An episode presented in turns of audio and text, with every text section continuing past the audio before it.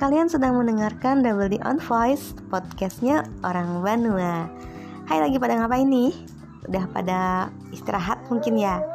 Nah aku cuman mau Eh sebelumnya maaf dulu kalau misalnya ada backsound backsound yang uh, istimewa Soalnya anak aku masih belum bobo Nah jadi kesempatan ini kita ngebahas apa nih? Oh bukan ngebahas ya bahasanya ya uh, ngobrol santai. Kalau ngebahas itu kesannya bicara yang berat banget. Kalau kini kita ngobrolnya santai aja ngalir aja. Kita ngobrolin tentang insecure mungkin ya. Insecure. Nah nanti teman-teman bisa kasih pendapatnya di kolom komentar. Insecure apa sih insecure itu? Nah terus faktor apa saja yang menyebabkan seseorang menjadi insecure? Kalau menurut aku insecure itu adalah uh, kondisi di mana seseorang tidak pede, cemas dengan dirinya dan selalu merasa uh, tidak punya kelebihan, hanya memiliki kekurangan. Sedangkan faktor yang mungkin saja bisa menyebabkan seseorang menjadi insecure itu adalah uh, suka dibanding-bandingkan, entah itu dengan kakaknya kah, atau dengan adiknya kah, atau dengan tetangganya kah. Dia jadi ngerasa kalau misalnya aku nggak bisa seperti kakak aku nggak bisa seperti adik. Aku cuma bisa nyusahin. Nah itu bahaya banget sebenarnya. Jadi sebenarnya kalau misalnya teman-teman mau tahu aku dulu sempat mengalami kondisi seperti ini. Sangat tidak pede pemalu pendiam. Karena uh, aku nggak bisa ngomong huruf R dengan sempurna. Apalagi kalau misalnya udah digabung menjadi sebuah kata atau sebuah kalimat itu seperti ada dan tiada. Huruf R itu antara keba kebaca atau enggak gitu kan ya.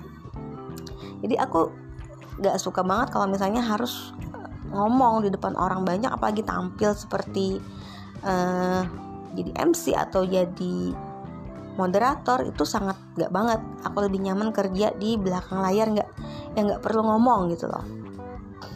Nah terus kenapa kok bisa sekarang ini bisa bikin podcast seperti ini, sering bikin video juga.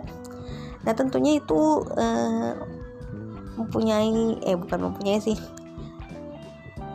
sebuah proses yang sangat panjang sekali.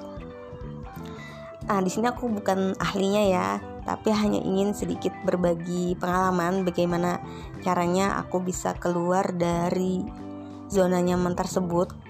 Yang pertama yang harus teman-teman lakukan adalah niat harus niat kalau kita itu memang benar-benar mau berubah menjadi yang lebih baik. Kemudian yang kedua sering bicara sama uh, diri sendiri bahwa kita itu bisa kita itu istimewa. Kita itu kan juga manusia ya yang sama-sama makan nasi.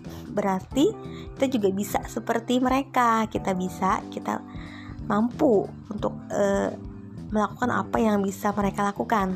Nah kemudian teman-teman bisa cari komunitas atau uh, berinteraksi dengan orang-orang yang menginspirasi. Nah, nanti teman-teman bak pasti bakal disupport nih. Kamu mau apa? Aku support kamu. Kamu mau belajar apa? Yuk, aku ajarin. Kamu perlu uh, latihan apa? Ayo kita latihan sama-sama. Nah, nanti di situ teman-teman bakal merasa oh ternyata masih ada mereka yang ngedukung aku, yang mau ngedukung aku buat aku berubah menjadi lebih baik. Nah itu penting banget.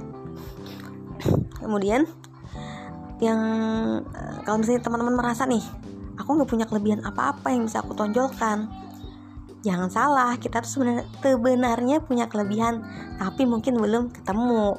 Caranya itu teman-teman harus banyak belajar harus banyak mencoba hal-hal yang baru. Nanti di sana teman-teman bakal menemukan oh aku ternyata bakatnya di sini. Aku ternyata nyaman kalau aku melakukan ini. Nah seperti itu. Jadi kalau memang sudah menemukan sesuatu yang membuat nyaman terus gali potensinya terus gali uh, terus belajar ilmu-ilmu yang misalnya teman-teman suka suka masak terus cari resep baru terus belajar menu baru yang nantinya bisa teman-teman uh, kasih tahu ke dunia kalau aku ternyata bisa masak. Aku ternyata hobi masak gitu. Pokoknya yang pasti itu harus dimulai dari diri teman-teman sendiri. Nah jangan jangan lagi kita ngerasa aku gak punya kelebihan apa-apa aku cumannya bisa nyusahin aku cumannya bisa gini-gini aja. Jangan kita harus menjadi yang lebih baik lagi Oke, nah mungkin uh, sharing ini bisa sedikit bermanfaat buat teman-teman, bisa membantu teman-teman yang pengen keluar dari zona nyamannya. Yang pasti aku bukan ahlinya ya, aku cuman hanya berbagi pengalaman yang pernah aku alami. Jadi di sini aku juga belajar yang namanya public speaking, bagaimana cara bercerita. Mungkin ini masih belum sempurna, tapi aku uh, selalu ingin belajar dan mencoba. Nah, jadi buat kalian semua jangan pernah lelah untuk belajar karena sekali lagi belajar itu adalah pekerjaan sepanjang usia. Masih dari Pelehari Kalimantan Selatan, terima kasih. Sampai jumpa di podcast-podcast selanjutnya. Assalamualaikum warahmatullahi wabarakatuh.